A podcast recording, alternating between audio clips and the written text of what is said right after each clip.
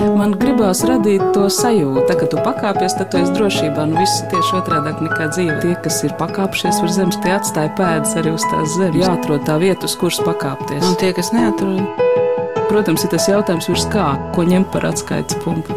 augstāk par zemi. Augstāk par zemi. Augstāk par zemi. Я родилась для европейца в довольно редком месте в Индии. И поэтому обыкновенно об Индии всегда все спрашивают, каким образом вы там оказались.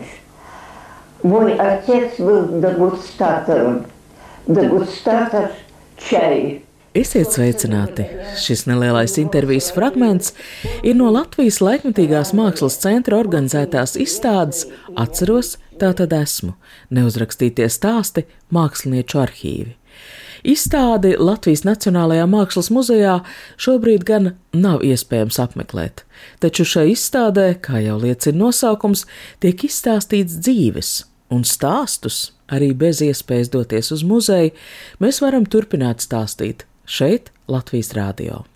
Mans vārds ir Anna Bušvica, un šodienas raidījumā augstāk par zemi vēlos jūs iepazīstināt ar vienu no izstādē, atceros tātad esmu, iekļautajiem dzīves stāstiem.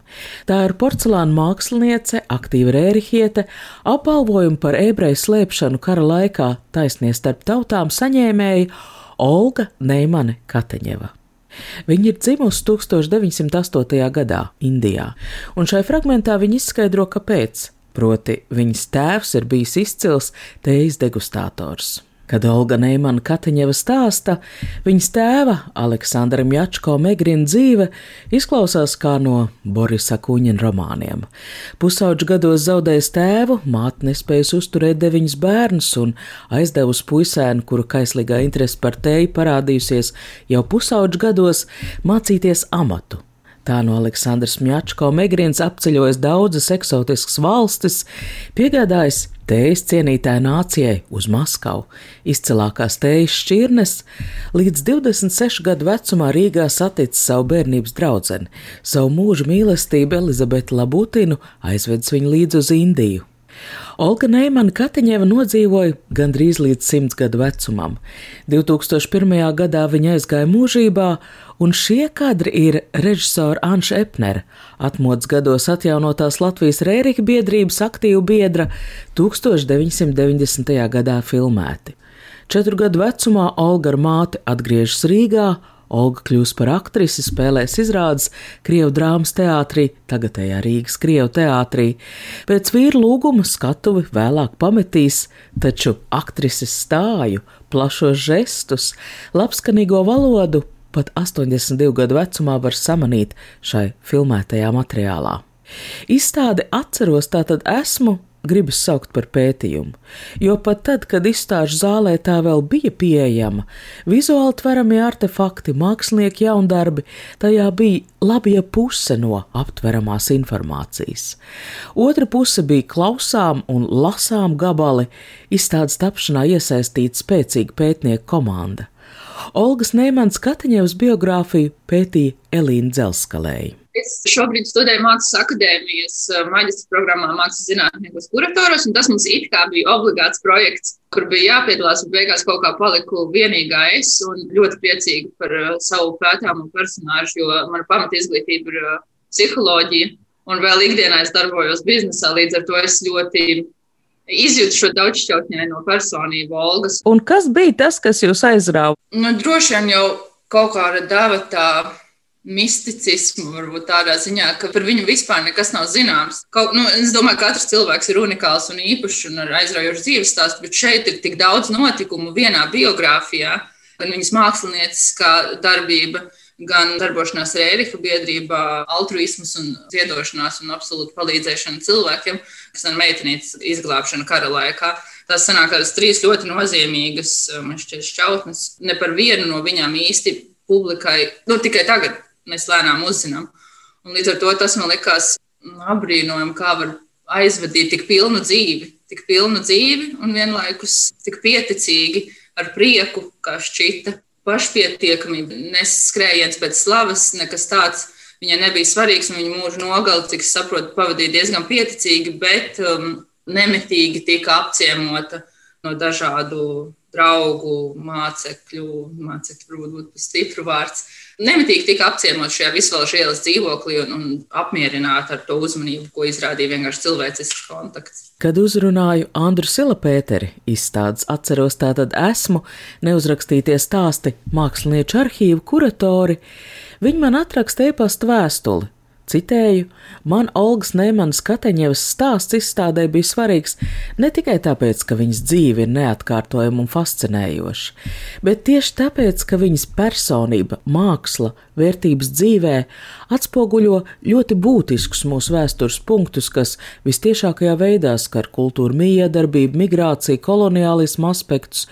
Viņai vienmēr bija svarīga līdztiesība, līdzjūtība, izpratne, pietāte - tas viss, par ko mūsu brūkošajā pasaulē šobrīd runājam. Andra Silpēter bija tā, kas arī pieņēma lēmumu, ka šai izstādē būs šis dzīves stāsts, un kā impulss tam kalpoja Žaņa Lipkas memoriāla ieraksts sociālajā tīklā Facebook marta sākumā. Zvanu Lipkas memoriāla vadītājai Lolitai Thompsonai.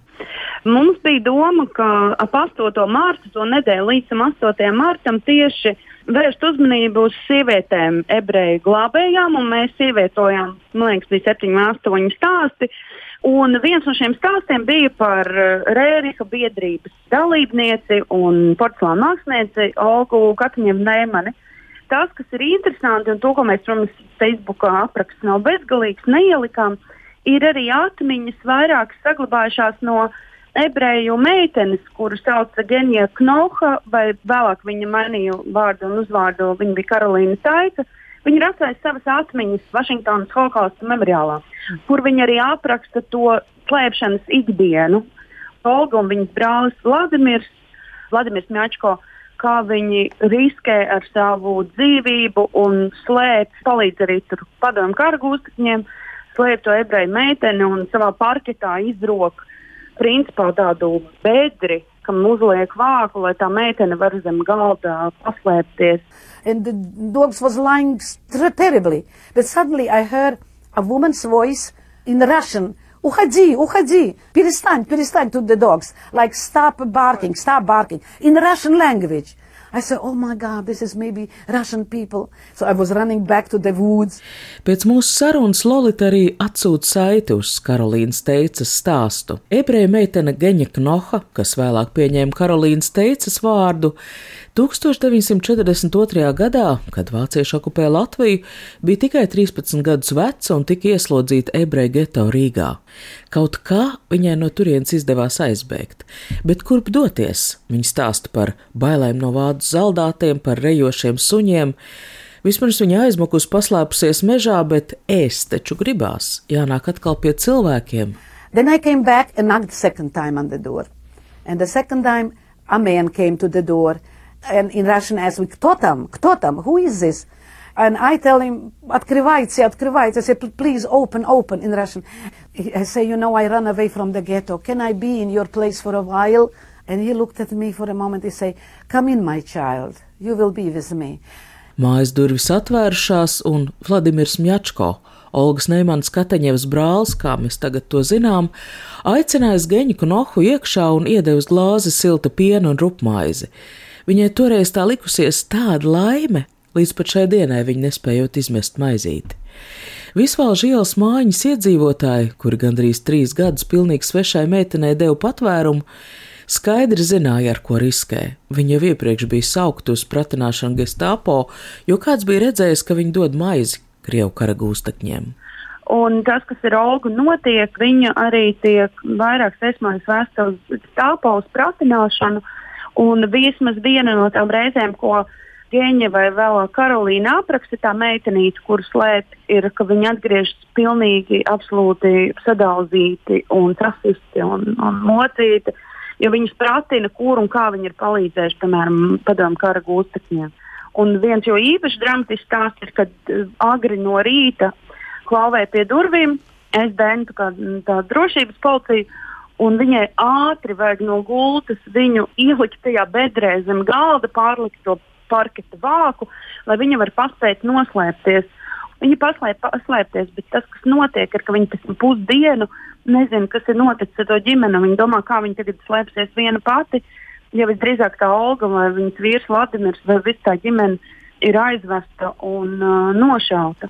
Nu, tā kā tā dzīvošana starp neziņu un bailēm, to ir šobrīd uh, grūti iedomāties. Un labi, ka kāds arī Vašingtonas memoriālā ir, uh, ir arī pierakstīts tās uh, meitenes atmiņas. And he told me that he had yesterday a vision. God spoke to him. I didn't believe him. I said, kukušmišuga. Olgas brālis un viņa sieva ir aktīvi septītās dienas adventistu draudzes locekļi. Lēmumu slēpt sev nepazīstama ebreja meitene Vladimirs Mjačko esot pieņēmis pēc dieva sūtītas vīzijas. Jūs varat man neticēt, intervijā saka Karolīna teica, bet šis cilvēks ir dzīvs, varat viņam pajautāt paši. Dievs Mjačko sūtīs vīziju, ka kāds cilvēks pieklāvēs pie viņa durvīm. Kas viņš būs? Mjačko nezinājis. Viņš domājis, varbūt kāds krievu kara gūsteknis, varbūt kāds vecs ebreju vīrs. Kad geņa pieklāvējus, tālākais noticis kā vecās derības stāstos. Viņš viņu pazins un uzreiz aicinājis iekšā. But it was me. And he thought that I am the one. Karolīnas teicas liecība izgaismo arī Olgas Kataņevas Neimans dzīvi. Šai stāstā parādās apsvērums, ka Olgas vīrs mīlējis iedzert. Tātad četrus gadus slēpjot nelielā koku mājiņā Visvalžu ielā ebreju meiteni, viņi visi dzīvojuši kā uz pulvermucas, bailēs, ka vīrs varētu izpļāpāties. Geņa paliek dzīva. Olgu Neimanu Kataņevu vācieši notiesā uz gadu Salaspils nometnē. Man vienmēr ir fascinējušas tādu cilvēku biogrāfijas, kuras nevar pārmācīt. Par pārliecības cietumnieku Olga Neimana Katiņev kļūst arī padomu laikā. Padomu laiku viņu izsūta kā vienu no Nikolai Rērika biedrības dalībnieci. Ne tikai viņu izsūta daudzus un apvaino viņus spiegošanā, Un tas ir arī tāda savāda lieta, ka viņa gan nacistu laikā, gan padomu laikā, viņa nevienā no šiem autoritatīvajiem un totalitārajiem režīmiem viņa nu, neiekļaujās. Viņa ir tāds kaut kāds savpatnis un ļoti tāds brīvs cilvēks, kurš ir gatavs riskēt ar savu un tuvinieku dzīvībām, lai glābtu citus.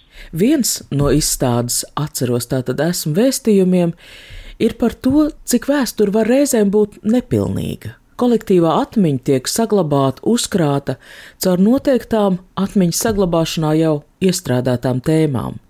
Taču gadās notikumi, kādi gara centieni, kas šim tēmu režģim it kā izbirs cauri, Šai izstādē īpaši uzmanību pievērst tēmām, kas skar sieviešu mākslinieču likteņus. Ir vēl kāds stāsts, kas daudziem nav zināms, un tas ir stāsts par Latvijas rērīgu biedrības biedru sodīšanu pēckara gados, par viņu atgriešanos pusslepenu darbību visu padomju laiku.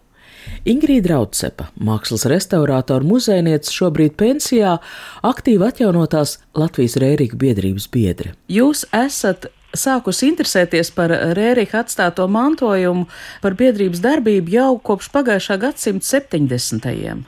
Tas ir tiesa. 60. gadu vidū es iepazinos ar eh, Lomniju Andermani, kur man iepazīstināja arī ar Olgu Kaķiņevu.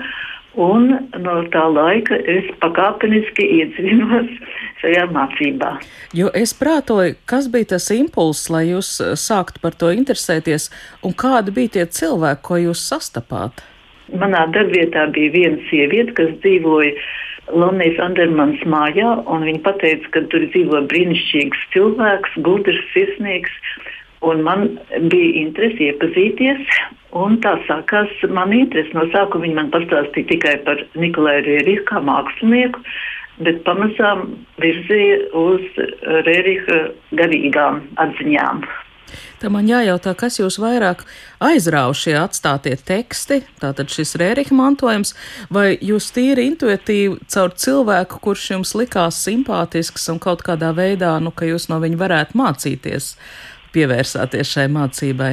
Lonija Andermana un arī Olga Kaķiņa, viņas pilnībā ar savu raksturu un attieksmi pret citiem apliecināja tā, tās vērtības, kas, kas ir izteikti dzīvās etikas eh, mācībā. Tā kā viss tas ir kā tā sintētiski apvienojās. Es esmu beigusi Latvijas Mākslas akadēmiju, tā kā Rērika māksla man arī bija ļoti tuva un es viņu dziļi izjūtu, bet kad es sāku iepazīties ar dzīvās etikas mācību, tad tāpat kā Olga atcerās, kad uh, tas uzreiz piesaistīja visu viņas uzmanību un viņa pilnībā pieņēma visas tās atziņas, kas tur tika izteikts.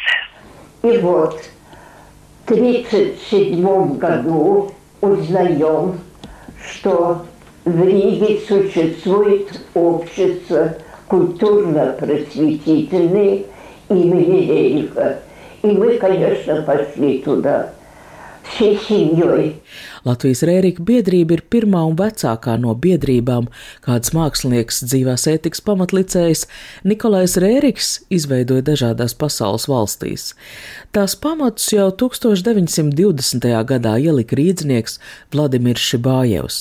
1937. gadā, tas ir laiks, ko savā stāstījumā piemin Olga Nēmana Kateņeva, Rīgā tika atvērts Nikolai un Svjatoslav Rērika gleznu muzejs. Olga ar māti aizrautīgi pavada laiku pie šīm gleznām, apspriež krāsziedu. Мама говорила, мало того, что это красиво и удивительно, как по краскам, но там глубокая идея в каждой картине. Līdz izstāžu zālē viņa sarunai pievienojas Rērika biedrības biedrs Markovs, kurš Olga Neimana Kateņē var iepazīstina ar Aleksandra Klizauska darbiem. Эту книгу я проглотила в продолжении одной ночи. 1940. gada 5. augustā, kad Latvijā jau ir nodibināta padomju vara, tika likvidētas visas biedrības, tā skaitā arī Latvijas rērika biedrība. Biedrības locekļi turpināja tikties, taču sākās aresti. 1949. gadā Olga Neimana Kateņeva tiek apcietināta un notiesāta uz desmit gadiem Vorkuts nometnē. Viņa atgriežas mazliet ātrāk, 1956. gadā, un tas ir vēl viens no šādiem neizstāstītajiem stāstiem, kas gan laikam ir gājis zudībā. No dažādām liecībām ir nojaušams, ka rērikieši ir uzturējuši kopību arī nometnes apstākļos, kā arī pēc izsūtījuma turpinājuši sazināties, apciemot viens otru. Olga pati padomju gados par Vorkutā piedzīvoto esot vairījusies stāstīt. Bet kas ir varbūt tā, tie galvenie vadmotīvi, ko jūs tā pārunājāt caur tiem tekstiem? Nu, mēs faktiski ar to Olgu. Nu, jā, nu, arī tikšanās. būtībā vispār, jā, un arī varbūt Olgai, jā, kas viņai vissvarīgi arī, jā, varbūt. Nu, principā nav viegli uzreiz ielikt tajā filozofijā. Viņa diezgan tāda plaša un kosmiska. Tā ir, jā. Pa vēl tik tur skan bezrobežības sirdi, viss. aum, kas ir enerģija un, Mhm. un brālība un nu, sirdi. Un, Šis ir fragments no Elīnas Dzelskalējas sarunas ar Ingrīdu Raucepu, un eh, Ingrīda Raucepa rāda pētniecēm arī kādu Olgas Neimans Katiņevas rokrakstu paraugu. Kad 49. gadā notika arests un izsūtīšana, tad tika konfiscētas visas grāmatas, jo faktiski tās skaitījās kontrrevolucionāru izdevumi, un šīs grāmatas tika sadedzinātas. Līdz ar to, kad biedri atgriezās jau no izsūtījuma 56. gadā Olga, tad uh, bija šo grāmatu trūkums. Un Olga nolēma pārrakstīt, un tā viņa pārrakstīs ar roku. Es domāju, ka visas uh, mācības grāmatas šobrīd viņas glabājās tātad Maskavas starptautiskā rēģika centra Latvijas nodaļas bibliotekā. Kāpēc Rērikietas arhīvs nokļuva Maskavā nevis 1988. gadā atjaunotajā Latvijas Rērika biedrībā?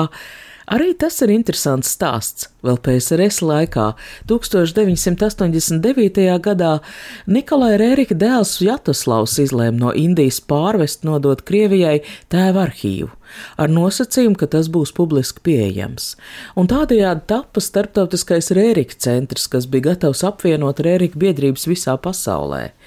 Atjaunotā Latvijas rērika biedrība tomēr izvēlējās būt patstāvīga, taču Olgas Neimans Kateņevs paziņloks lielākoties bija piederīgs šim Maskavas rērika centram. Bet atgriežamies pie izstādes, atceros, tātad esmu izvirzītā jautājumu, cik maz reizēm paliek no bagātīgi nodzīvotas dzīves. Izstādē tās ir vairākas vitrīnas ar apgleznotiem porcelāna traukiem.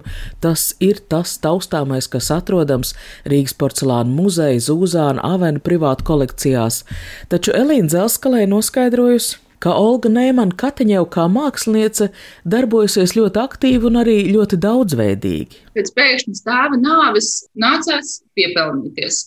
Un viņai māte ierosināja kaut kāds trauks izveidot, inkrustējot. Nav precīzas liecības, kas tieši tas bija, bet inkrustācijas metodē, kas tika aiznests uz antikvariātu un notirgot. Tas bija pirmais, kur viņa apzinājās, ka viņa kaut ko var izdarīt. Ļoti ātri viņa pārgāja uz zīda apgleznošanu, jo tajā laikā bija modē sūtīt, tas laiks, cik es saprotu, ir 20, 30 gadi.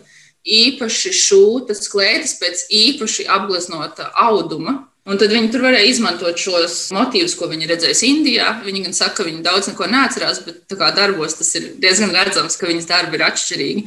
Tā arī viņi nokļuva Kuznecova fabrikā, jo viņas divus darbiņus vīram, kas bija aktieris, Grimētavā pie sienas ieraudzīja kāds pārstāvis un prasīja, kas šo ir gleznojis. Viņš teica, ka viņa sieva, un tad viņš uzaicināja un teica, lai nāk apgleznot porcelānu. Olgai Neimanai Katiņevai nav mākslinieces diploma, taču pagājušā gadsimta sākumā, jo īpaši jaunas dāmas, tika iedrošināts nodarboties ar mākslu, ar rokdarbiem, un Olga mācījās labās skolās. Tā viņa arī nodibināja labus kontaktus ar sargiem cietumā. Šajā salaspils nometnē, cik saprotams, viņa gleznoja, bija kāds um, vācu apsargs, kam ļoti patika krievu pasakas. Viņa gleznoja krievu pasaku motīvus uz koku šķīvīšiem šim sargam, un pēc tam līdz ar to viņš kaut kā esot palīdzējis viņai ātrāk izkļūt no nometnes. Un arī turpmāk, kad viņa bija Vorkutā izsūtīta, viņa visu laiku gleznoja. Ļoti interesants stāsts bija par to, ka viņu ieradās apciemot, ja pareizi saprotu, apmēram 90. gados vai 90. beigās kāds radinieks izsūtījumu biedrenē un atveda viņas glezniņu atpakaļ, ko viņa pati nevarēja atpazīt, ka viņa to ir gleznojusi, bet tā bija viņas dāvana kādam biedram. Un arī tur viņa ātri tika pie sienas plakātu gleznošanas, ja nemaldos, nedaudz labākā darba. Līdz ar to viņi varēja kaut kādas iekštelpu darbus veikt un zīmēt šīs rūpnīcas sienas avīzes. Sazinos ar vienu no izstādes, atceros tātad esmu pētniecēm Rīgas porcelāna muzeja galveno krājumu glabātāju Iljānu Veinbergu. Es lasu, ka Olga Neimana Katiņeva Kuzņecovu fabrikā sākotnēji pārzīmējusi mākslinieku, kā Zigismunda Vidberga romāns Sutas zīmējums, taču īsi pirms izsūtījuma 1944. gadā sākus veidot pati savus zīmējumus. Tāpēc mans jautājums, vai tā bija ierasta prakse tolaik, ka par dizaineru varēja kļūt arī cilvēks bez īpašas izglītības diploma. Pievēršoties tieši jautājumam par viņas izglītību un to, kā persona bez speciālas mākslinieciskas izglītības ir varējusi strādāt fabrikā 30. un 40. gados, kad viņa uzsāka savus darba gaitas eh, ražotnēs.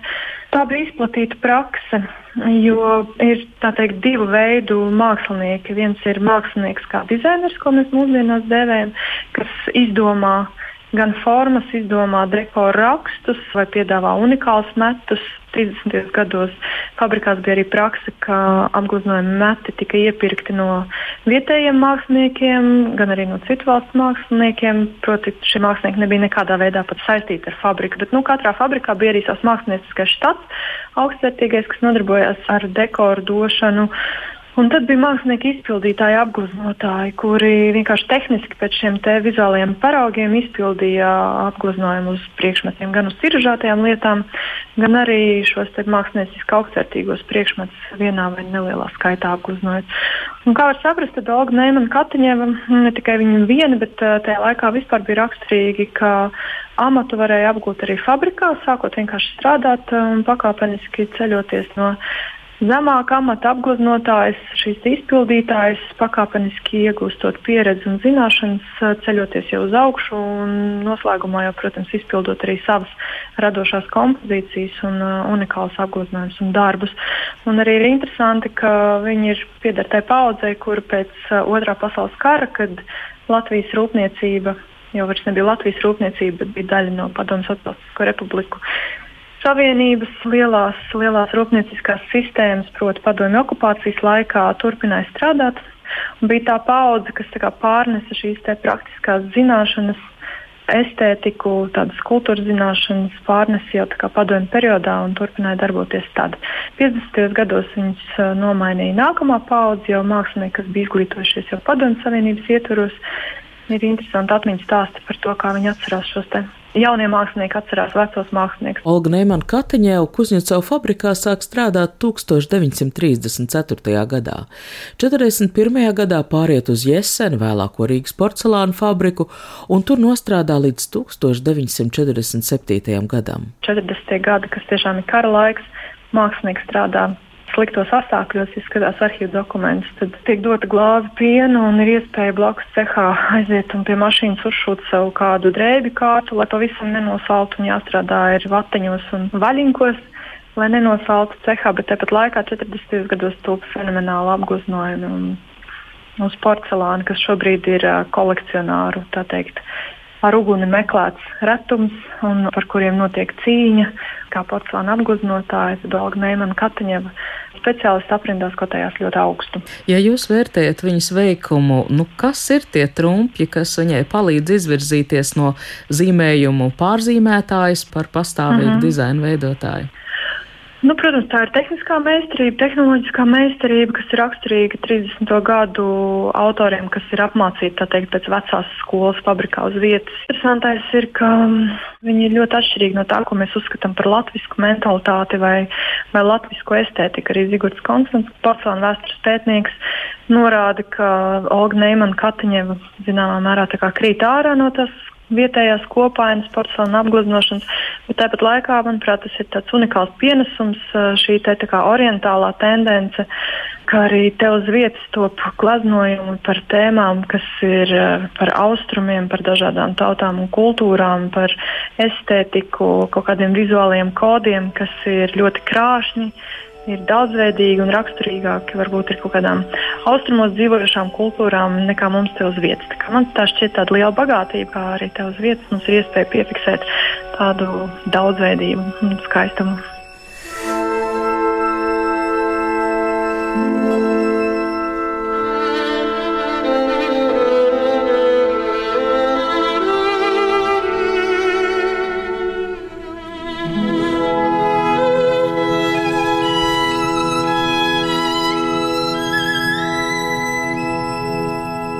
Твоей жизни? Что это в моей жизни? Это то, что я верю в учителя, верю в учение. Я знаю, что для эволюции работают две силы. Плюс и минус, свет и тьма. Ar šiem vārdiem, ar kādiem Ilijāna Veinberga raksturoja Olgas Neimanas Kateņevas mākslinieces rokrakstu, Man gribētos raksturot viņas dzīvi kopumā. Nu, ir tajā kaut kas no pasakas. Olks Neimans Kataņevs dzīve ir bijusies cauri mums atpazīstamiem vēstures notikumiem, taču tie nav viņu salauzuši.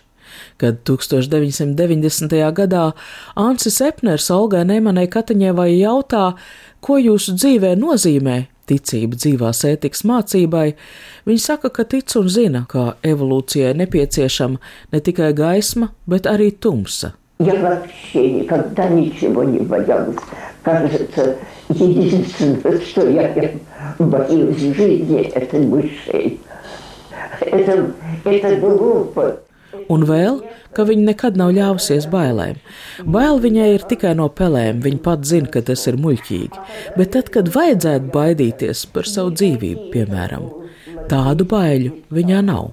Ja Olga Nēmana Katiņeva. Dzīves stāsts, kas vēlreiz pie mums ir atgriezies izstādē, atceros tātad esmu, neuzrakstītie stāsti mākslinieču arhīvi Latvijas Nacionālajā muzejā. Un pat ja šī izstāde vairs nebūs pieejama apmeklētājiem, vismaz manī tas tikai stiprina atskārtu, ka manuskripti nedeg. Ar šo pārliecību tad arī no jums atvedos. Ar jums sarunājas Anna Bušvica, par raidījumu skaņu gādāja Valdes Raitums. Tā, kad tu pakāpies, tad tu esi drošībā. Nu, viss ir tieši otrādi nekā dzīve. Tas ir tā spēle, jā. Tie, kas ir pakāpšies virs zemes, tie atstāja pēdas arī uz tās zemes. Protams, ir tas jautājums, ko ņemt par atskaites punktu. Nē, nu, principā ir skaidrs, augstāk par zemi. Jāatrod tā vieta, uz kuras pakāpties. Augstāk par zemi. Augstāk par zemi. Augstāk par zemi.